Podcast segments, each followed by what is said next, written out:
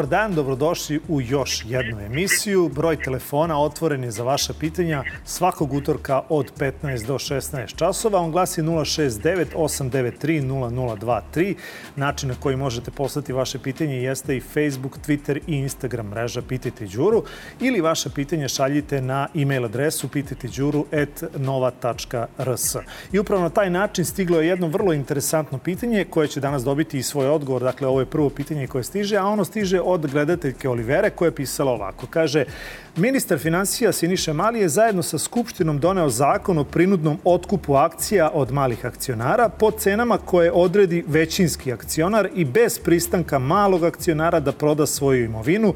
Proverite kod brokera, ja nisam pravnik i ne mogu vam više reći o zakonu, ali sam dobila obaveštenje od Lukoila da su oni doneli odluku da se akcije malih akcionara prinudno otkupe i to bez našeg pristanka. Ministar završava privatizaciju Beopetrola.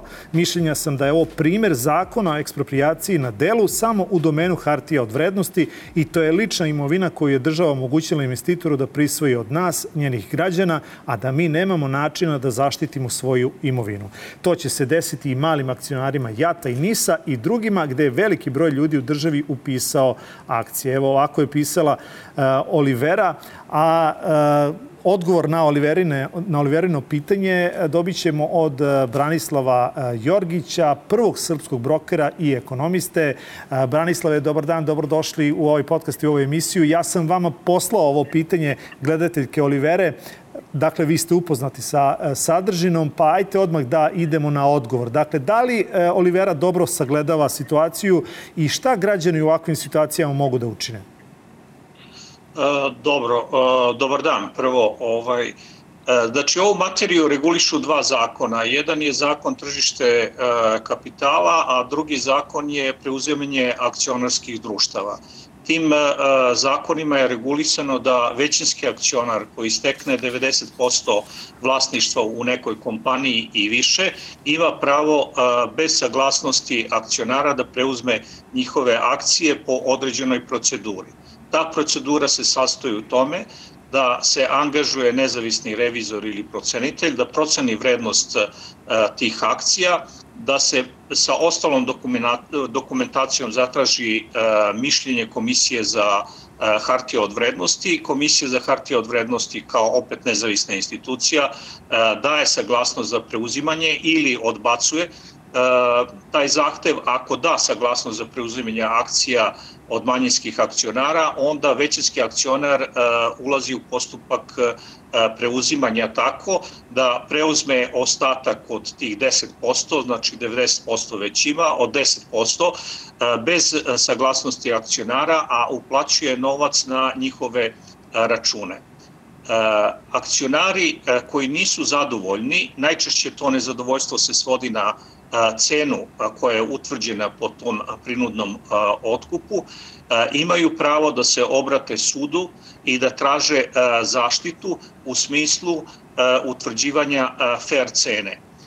U tom slučaju sud angažuje procenitelja, procenitelj vrši procenu tih akcija i ukoliko ta procena bude veća od one cene po kojoj su prinudno preuzete akcije od malih akcionara, većinski akcionar je u obavezi da isplati razliku tim akcionarima. Ukoliko je ta cena ista ili niža od one po, kojoj je izvršen prinudni otkup, ništa, postupak se praktično završava. Branislave, mi smo dobili, samo da vas e, e, prekinem, da. izvinjavam se, mi smo dobili e, u ovom, ja sam to vama i prosledio, dokument, ovaj se dokument odnosi na ovo preduzeće koje je Olivera pomenula, a to je, a to je dakle, naftna kompanija, da, Lukoil. A ovde je cena bila 854 dinara po jednoj akciji. Vi kao neko ko učestvujete na berzi od samog početka otvaranja Beogradske berze, šta vi mislite, da li je ovo validno za eventualno e, žalbu tog malog akcionara. Da li je 854 dinara po akciji nešto što e, ima smisla se žaliti ili je to realna cena? Da vam kažem, ja morao bi da uđem u procenu ovaj, koju je dao taj većanski akcionar. Ja u ovom konkretnom slučaju to nisam ovaj uradio i ne mogu se izjasniti po tom pitanju. Ja sam samo naveo mehanizme zaštite manjinskih akcionara u takvim slučajima koji su mogući. Ti manjinski akcionari su sigurno dobili ovaj tu procenu i oni mogu obaviti konsultacije sa nekim revizorskom kućom ili sa ili sa proceniteljem, a mogu se obratiti i svom brokeru za konkretno mišljenje. Nakon obavljanja takvog jednog razgovora mogu eventualno doneti odluku da li da ulaze u dalji postupak sudske zaštite. Ja bih hteo tu još jednu stvar da ovaj dodam. Prag od 90% je utvrđen pre recimo deseta godina. Pre toga je bio 95%, znači 95% je bio, bio veći prag zaštite manjinskih akcionara, što znači da je većinski morao da dođe do 95%, pa tek onda mu je omogućeno Jasne. da uđe postupak preuzimanja. E sad, i još jedna stvar koja je možda za ovu analizu bitna, to je da takva praksa postoji i u zemljama sa razvijenom tržišnom ekonomijom, berzanskim trgovanjem, s tim što tu verovatno postoji veća pouzdanost tih procenitelja da oni stvarno utvrđuju fair cenu za te manjinske akcionare. Kažete mi, Branica, samo još jednu stvar. Dakle, e, da li e, ove ostale, ova ostala preduzeća sem Lukoila, e, da li funkcionišu po ovom istom principu? To jest, da li, da li su građani uopšte svesni koliko novca, ukoliko do sada nisu podizali ni besplatne akcije, ni sve ove ostale akcije koje po, zakon, po silu zakona nama pripadaju, da li znaju sa kolikom količinom novca u momentu raspolažu? Dobro, znači, Ovako tu ima više pitanja. Prvo, praksa kakva je do sada bila. Mi smo imali slučajeva da su preuzete akcije zaista po nekoj fair ceni. Imali smo slučajeva da su bile pocenjena vrednost tih akcija. Imali smo slučajeva da su akcionari tražili sudsku zaštitu i da su dobili sporove. Znači, nije sad ovo neki novi slučaj, to se dešavalo i ranije i kao što rekoh, bilo je i e, pocenjene e, vrednosti u postupku preuzimanja, bilo je sudske zaštite i akcionari su bili, odnosno većinski akcionar je bio primoran da uplati razliku e, u ceni. Drugo pitanje je oko vrednovanja tih akcija. Pa berza je praktično mesto gde se formira cenu na bazi ponude i tražnje i svaki akcionar može izaći na sajt Beogradske berze i na dnevnoj bazi utvrđivati vrednost svog, svoje imovine tako što uzme broj akcija puta trenutna tržišna cena i dobit će nešto. Druga napomena je da kod nas tržište kapitala nije dovoljno likvidno i često te akcije nemaju realnu tržišnu vrednost, nego zbog nedostatka tražnje njihova cena pada, a ta cena ne predstavlja realnu tržišnu vrednost. Kako to može da se koruguje? Pa tako što se uradi jedan malo veći marketing, da ljudi shvate šta znači tržište kapitala i da se angažuju malo na tom ovaj, tržištu kapitala. I, samo, I, uh mhm. -huh. Kažete? Da, izvolite. E, samo za kraj, ono što sam mislio da vas pitam, koliko je uopšte Beogradska berza napredovala u odnosu na, na njen sam početak? Dakle, šta vas pitam? Pitam vas da li su građani uopšte svesni a, trgovine na berzi i koliko uopšte učestvuju kao mali akcionari na, na, na Beogradskoj berzi? Da, pa po mom mišljenju Berza nije uh, izvršila zadatak koji je pred njem, uh, njom postavljen. Međutim, e, ne, ne radi se tu samo o Berzi, nego se radi o opštem investicionom ambijentu koji postoji u našoj državi. Uh, Berza je se razvila na uh, praktično preduzećima koje su uh, bila privatizovana i gde je došlo do preuzimanja akcija onih besplatnih koji su akcionari dobili koncentracije u relativno malom krugu i investitora putem ovog ponude za preuzimanje i naknadno prinudnog otkupa došlo je do koncentracije vlasništva u rukama relativno malih broja investitora i slično se zberi. Umeđu vremenu berza i te kompanije koje su se pojavile nisu izlazile ponovo na tržište radi emisije akcije i prikupljanja novog kapitala. Recimo, Na primer, možemo da damo Telekom. Telekom je akcionarsko društvo. Imamo negde oko 20% u rukama malih akcionara, negde oko 80% je u rukama države. Telekom se zaduživao kod komercijalnih banaka u značajnim iznosima i to danas opterećuje njegovo poslovanje. On je mogao da izađe na berzu, da emituje akcije, da investitori na berzi kupe te akcije i praktično on dobije besplatan kapital, ne bi bio opterećen troškovima. Ali bi došlo do promene strukture vlasništva. vlasništva. Tako da bi onda investitori e, mali ovi se povećali, e, a ovi e, država bi smanjila svoje učešće. Očigledno državi u, u ovom trenutku to nije ovaj u interesu. I još jedna stvar, da odemo malo dalje, a to je da saglasno zakonu o deviznom poslovanju, naši investitori mogu da investiraju u inostranstvu preko domaćih brokera i domaćih banaka i da postaju vlasnici multinacionalnih kompanija kao što su Bayer, Siemens, uh, General Electric, Apple i tako dalje.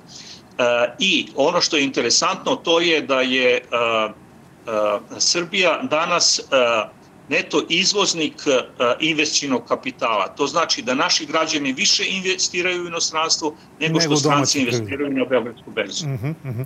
Hvala vam puno na ovom izdvojenom vremenu i na odgovorima na pitanje naše gledateljke, ali i naravno malo opširnije o ovoj tematici. Hvala još jednom. Bio je to gospodin Branislav Jorgić, prvi srpski broker i ekonomista, a mi idemo na sledeću temu. Ona se odnosi na jedno pitanje koje je već postavljeno, ali dobija svoj polako rezultat, ja se nadam, pozitivan pozitivan. Naime, e, građani Ostružnice su se e, javljali i iznosili u nekoliko navrata problem koji se odnosi na bezbednost e, saobraćaja. Naime, oni moraju da pretrčavaju obrenovački put, ne bili došli do svojih kuća. Tamo ima oko stotinak domaćinstava. I za sada stiže odgovor iz opštine Čukarica. Oni kažu povodom pitanja građana Ostružnice, kao što smo već naveli, u pitanju je deo obrenovačkog puta koji ima status magistralne saobraćajnice, te se opština zajedno sa građanima obraćala nadležnim službama, odnosno putevima Srbije po pitanju signalizacije raskrsnice, kao i direkciji za gradsko građevinsko zemljište i izgradnju grada, po čim zahtevu su u Republičkom geodetskom zavodu pokrenuti postupci. Dakle, prema našim saznanjima, u toku su postupci u Republičkom geodetskom zavodu, nakon kojih će se nastaviti aktivnosti na preparcelaciji koje sprovodi Direkcija za e, građevinsko zemljište i naš e, gledatelj koji je poslao ovo pitanje, poslao je i deo odgovora koje su oni dobili, a upravo on ono potvrđuje i ovaj odgovor koji je stigao iz opštine e, Čukarica iz Direkcije za e, građevinsko zemljište. Dakle, ovo jeste proglašeno kao e, područje od posebnog značaja i koliko ja shvatam iz ovog odgovora koji sam dobio, da će se ovaj predmet rešavati po ubrzanom postupku. Po okončanju navedenih aktivnosti pokrenut će se dalje aktivnosti za potrebe rešavanja imovinsko-pravnih odnosa. Dakle, ima još nekoliko parcela koje su problematične, ali kao što rekoh, iz Direkcije za građevinsko zemljište najavljuju da će to rešavati po ubrzanom postupku i da im je potpuno jasno da je ovde ugrožena bezbednost stanovnika ovog dela Čukarice, to jest Ostružnice, pa se nadamo eto zajednički da ćemo uspeti da isposlujemo ono što je odavno bilo planirano, a to je izgradnja saobraćajnice kojim bi se rešio problem e, tog e, nebezbednog pretrčavanja obrenovačkog puta po sve stanovnike koji žive u ovom delu opštine Čukarica. E sad, jedno vrlo interesantno pitanje koje sam ja uputio Ministarstvu zdravlja pozvao sam se na zakon o dostupnosti informacije od javnog značaja. Evo, ovo ja mislim koliko ako dobro brojim, treća nedelja od kad e, odgovor ne dobijam, a e, pitanje je otprilike glasilo ovako, ja ću pročitati šta se nalazi u dokumentu koji je stigao kao prilog ovom pitanju, a pitanje se odnosilo na to da li građani e, Srbije su e, Sinopharm vakcinu e, primali, a da nisu znali njen kvalitet. E, zašto e, su ovo gledalci pitali? Naime, U ovom dokumentu koji je stigao kaže se ovako, dakle ono se odnosi na Univerzitetski klinički centar u Nišu i služba za sanitarno-epidemiološki nadzor je poslala ovaj izveštaj. Radi se o izveštaju o broju umrlih od COVID-19 pozitivnih pacijenata i njihovih vakcinisani status za period od 1. januara do 17. novembra 2021. godine. E sad, u njemu se navodi sledeće. Dakle, u COVID objektima u Nišu preminuo je ukupno 3031 COVID-19 pozitivan pacijent, prosečno 9,4 po danu, od toga 1997 ili ti 65,9% pacijenata preminulo u COVID bolnici Rasina u Kruševcu, 1034 e, pacijenta u COVID objektima u Nišu. U periodu od početka praćenja vakcinalnog statusa preminulih e, pacijenata, dakle od 15. augusta do 17. novembra 2021. godine, ukupno je preminulo 1536 pacijenata. Od toga je bilo 1022 E, nevakcinisanih pacijenata i 514 vakcinisanih pacijenata. E sad ovde se dolaze do ključnog podatka koji e, za sada, kako ste vi pisali, izaziva sumnju.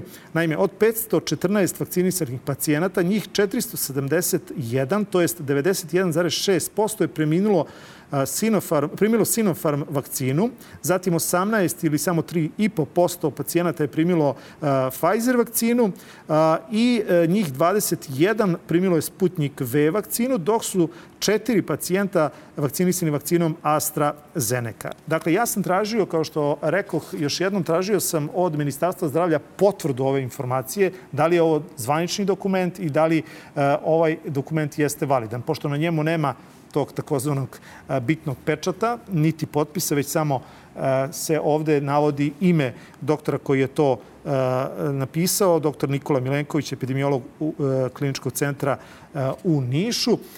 Pa ćemo sada pokušati da razjasnimo ovu tematiku i da li ovaj dokument može da navodi na činjenicu da Sinopharm vakcina nije bila toliko uspešna s obzirom na veliki procenat preminulih u ovom kliničkom centru, dakle reč je o Kruševcu i u Nišu, a s obzirom na vakcinaciju preminulih pacijenata. Na vezi je gospodin Rade Panić, doktor iz organizacije Ujedinjeni protiv COVID-a. Gospodine Paniću, dobar dan, dobrodošli još jednom u ovaj podcast.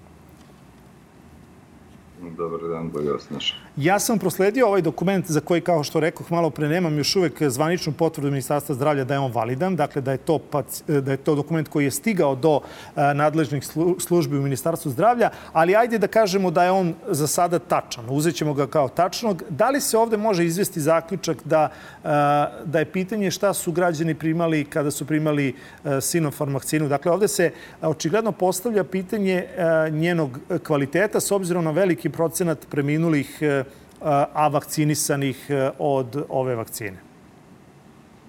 Pa, ako je taj dokument tačan, dakle, ne mogu pretpostaviti ni da jeste, ni da nije, e, možemo da razgovaramo o njemu, ne može sa sigurnošću e, navesti na to što, što vi kažete, ali to je informacija koju smo znali i pre ovih podataka. Dakle, efikasnost e, e, vakcina se kreće između 90 do 96% izuzev Sinofarmove. Bilo je neke priče da ima razlike i da li ta Sinofarmova vakcina dolazi iz Kine ili dolazi iz nekih drugih zemalja u kojima se proizvodi, pada i od toga zavisi kvalitet, na, odnosno efikasnost, izvinjavam se, logično, a ako dve vakcine od istog proizvođača nemaju istu efikasnost, onda i kvalitet proizvodnje ove sa manjim nije dobar. Dakle, pričali smo o tome već kad su vakcine stizale, tada smo imali istraživanja koja su napravljena, a sada imamo i iskustvo. Ono što e, treba dodatno e, e, skrenuti pažnju da ne bi se zaista pogrešno interpretirali podaci jeste da u Srbiji najveći broj pacijenata, odnosno građana, jeste primio Sinopharm vakcinu, potom Pfizer, a ove ostale možemo da kažemo u tragovima u odnosu na, na Sinopharm i Pfizer. Dakle, to je prva činjenica koju moramo uzeti u obzir. Druga činjenica jeste da se vidi a, a, kak, kakva je raspodela preminulih prema godinama života, polu i ono najbitnije prema dodatnim oboljenjima koji su imali. Dakle, ako pretpostavimo, a to je i činjenica da je najveći broj a, starijih ljudi koji imaju udružene bolesti primao vakcinu, onda ta trećina preminulih, a da su vakcinisani je dosta velika. Mene to prvenstveno zbunjuje. Dakle, moje iskustvo iz COVID-a govori da 10 do 15% onih koji se nalaze u intenzivnoj neziji, a koji imaju šansu da preminu, odnosno u velikom procentu kada dospeju do intubacije se i desi da preminu 10 do 15% je vakcinisan.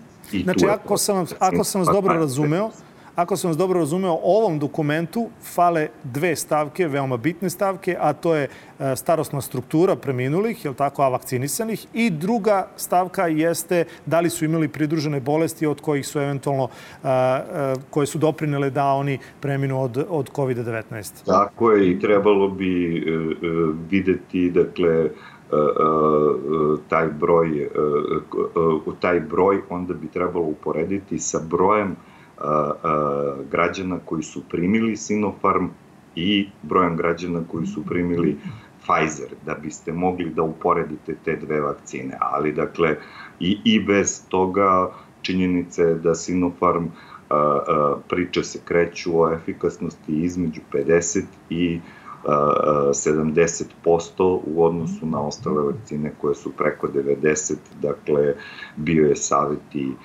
batuta, odnosno uputstvo da ako ste primili dva Sinopharma, posle toga primite Pfizer. Rade samo za kraj, dakle, kakav je danas presek ovih dana, dakle, kako je stanje u COVID ambulantama, to jest u COVID zonama gde ste i vi?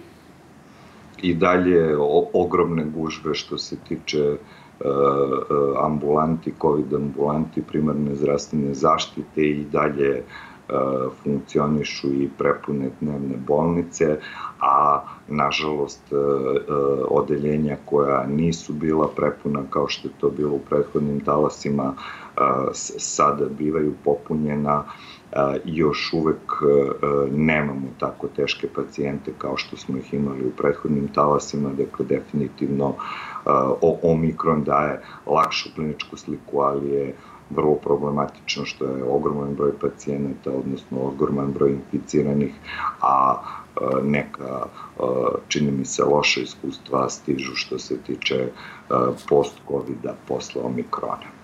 Hvala puno na izvojenom vremenu na odgovor na ovo pitanje. Svakako koliko bude stizala opet pitanja vezana za COVID i za ove stvari koje nas muče, ja ću biti slobodan pa ću vas pozvati. Hvala još jednom.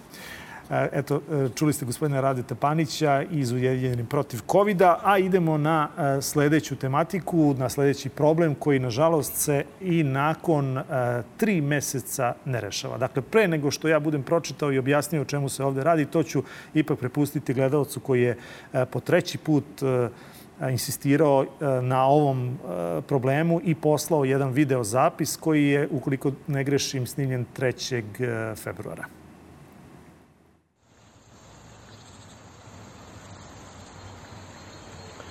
Evo, dimi se voda. Voda se puši. Ide preko ulice. Juče smo je usmerili da ne ide više trotoarom. Tri meseca je išla trotoar.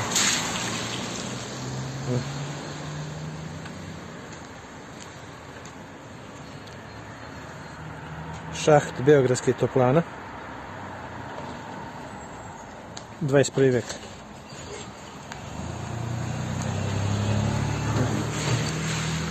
Preskaču ljudi, majke s kolicima, sa bebama, nemaju kuda da prođu, nenormalno smrdi, ide preko ulice i dim se. Išlo je tamo do kraja trotola tri meseca. Prijavili smo kvar 19. decembra, a i krajem novembra. Ništa nisu radili.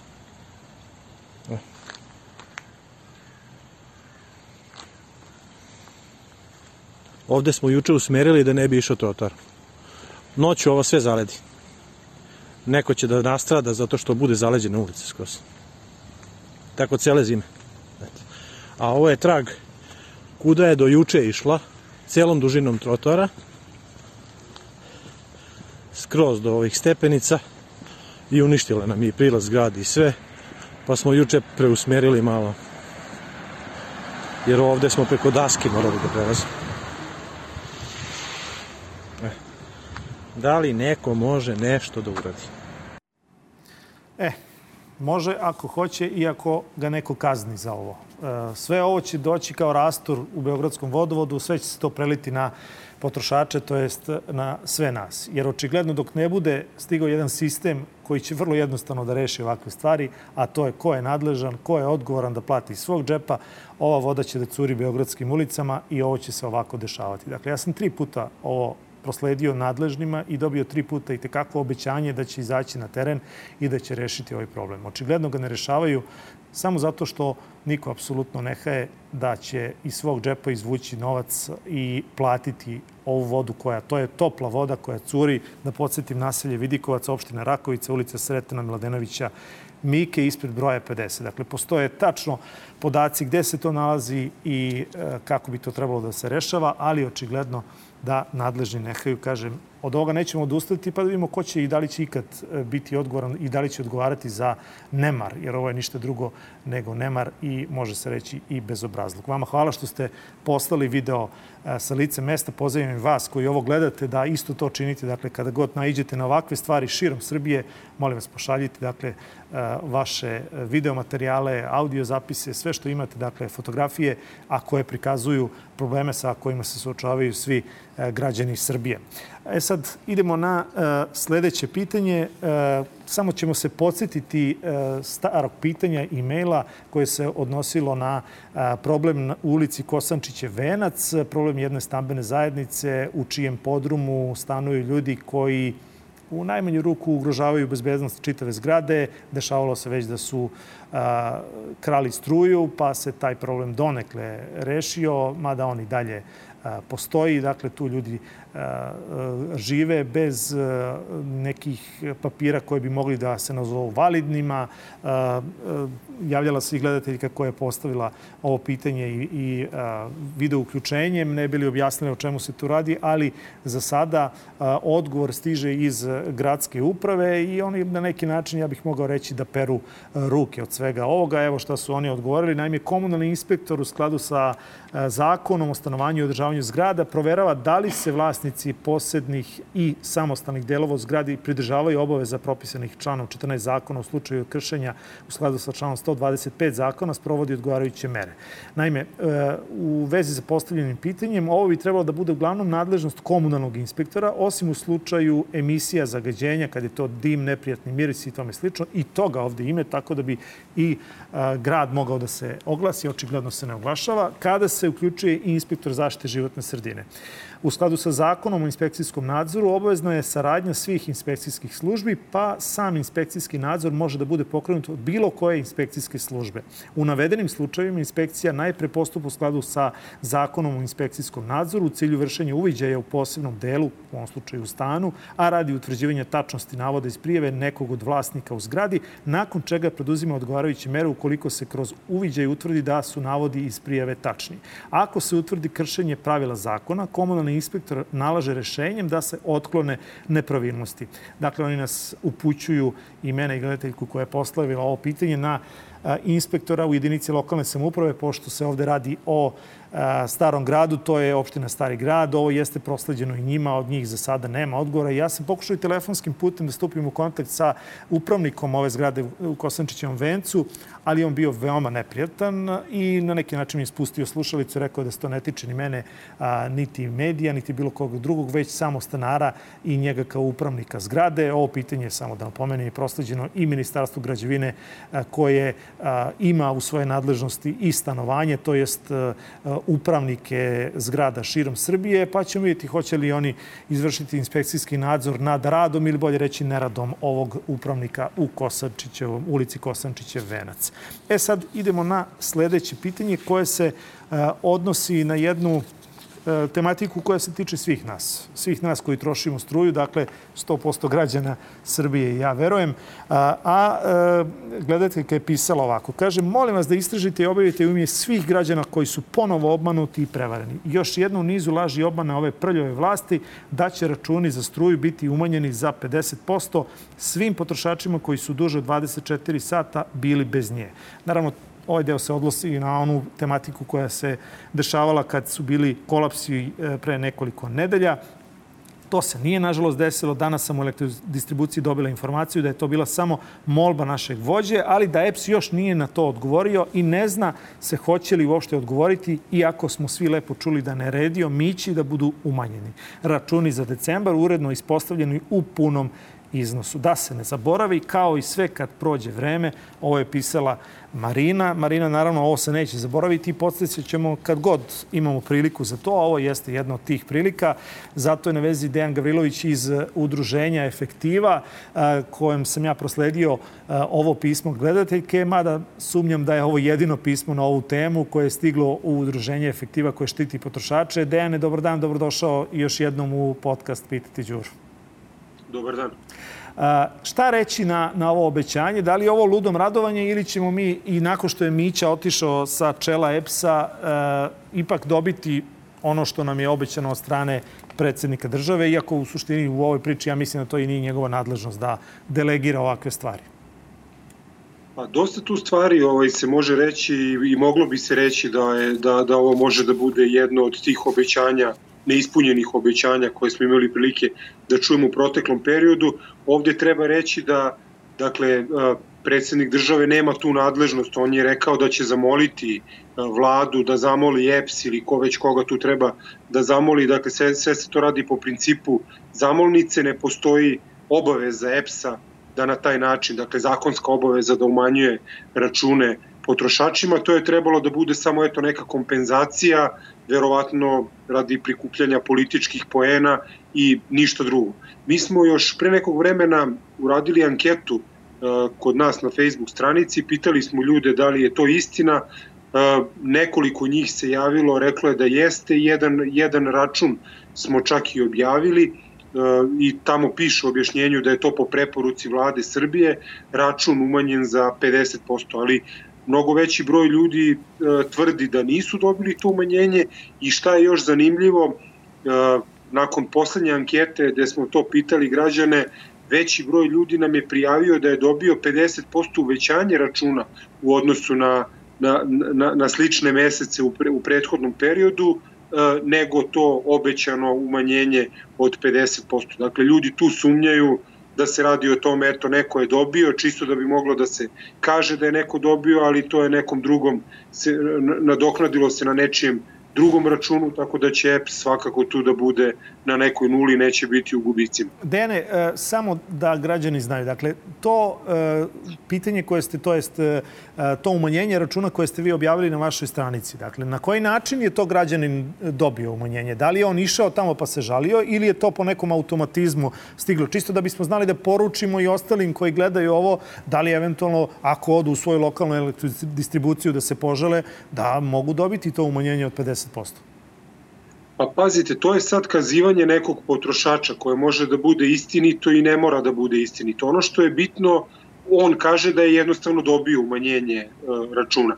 Dakle, mi smo upravo iz tog razloga i objavili taj račun da se vidi dakle ta stavka gde kaže da je umanjenje usledilo po preporuci vlade Srbije i dakle svi građani koji su da kažemo u okviru tog obećanja gde je rečeno duže, prekid struje duži od 24 sata, po istom osnovu, dakle mogu na osnovu tog računa da se pozovu i da traže to umenjenje. Kažem, e, ne postoji obaveza EPS-a, čak vrlo je verovatno da EPS to neće ni, ni, ni, ni uslišiti njihove molbe, ali svakako e, ko želi da proba ima priliku dakle, da se na sobstvenom primeru uveri da li ta obećanja služe svrsi ili je to samo još jedno uzaludno obećanje. Ali evo, samo kratko, dakle, e, kad već pominjemo to da ne postoji po zakonu obaveza EPS-a da to uradi, zar ne postoji zakon o obligacijnim odnosima gde vi u suštini, ako imate ugovorenu isporučenu električnu energiju, pa to ne uradite, dakle, niste dobili svoju uslugu, u ovom slučaju robu koja se zove električna energija. Dakle, da li po tom osnovu se može ipak zakonski tražiti obeštećenje?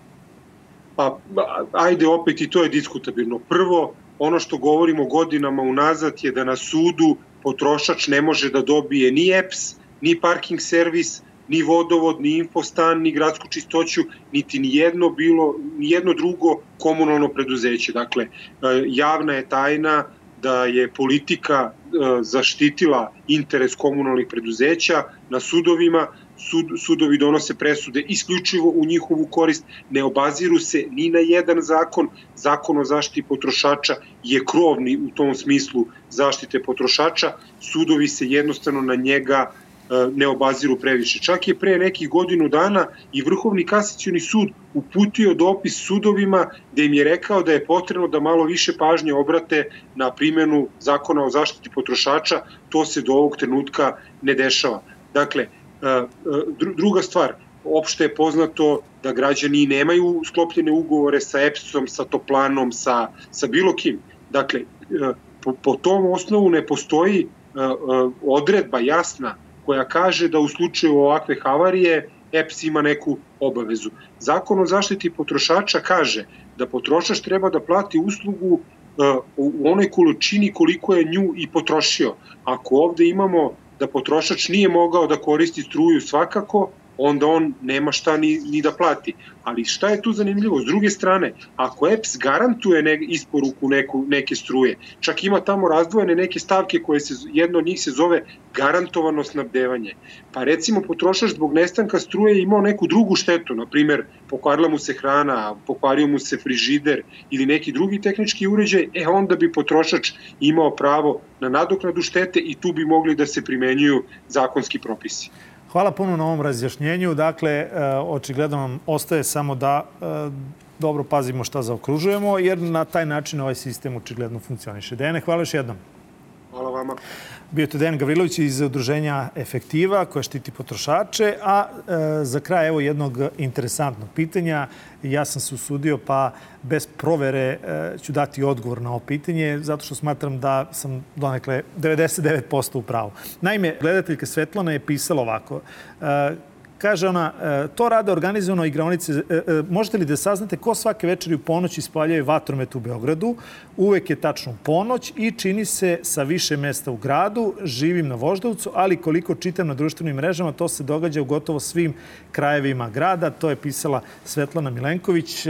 Ja sam joj odgovorio, To rade organizovano igraonice za decu ili kafići, ponekad i sami građani kupe vatromet pa ispaljuju. Sada je moda da očekivanja rođendana, pa većinom mladi na taj način iznenađuju slavljenike u ponoć. Eto, još jednom se ograđujem, dakle, ukoliko ovo nije tačno da me neko ispravi, ali ja mislim da je ovo i tekako tačno, jer i u mom kraju gde živim upravo se to dešava. Dakle, ne postoji sad više ni kineska nova godina, sve smo ih istrošili, a i dalje vatromete vrlo često E, možemo da gledamo i da slušamo tačnu ponoć e, i pretpostavljam da je to deo sad već može se reći i tradicije mladih ljudi kako dočekuju rođendane. Dakle, ne slave taj dan e, kada je rođendan, već ga dočekuju kao da dočekuju novu godinu, pa je onda očigledno vatromet deo priče koju potpunjuje ovaj čitav događaj. Sad druga je tematika E, kako i ko sme da kupuje vatromet, ko sme da ga ispaljuje i ko sme da ga koristi, ali u tome bi mogla jedna čitava emisija da se posveti, pa ću jednog dana to i učiniti. Eto, toliko za ovu emisiju, za ovaj podcast. Ja vas pozivam da šaljete i dalje vaša pitanja na Facebook, Twitter i Instagram mrežu Pitajte Đuru. Možete vaše pitanja slati i na e-mail adresu rs ili na Viber broj 069 893 0023. Do sledećeg utorka, lep pozdrav! thank you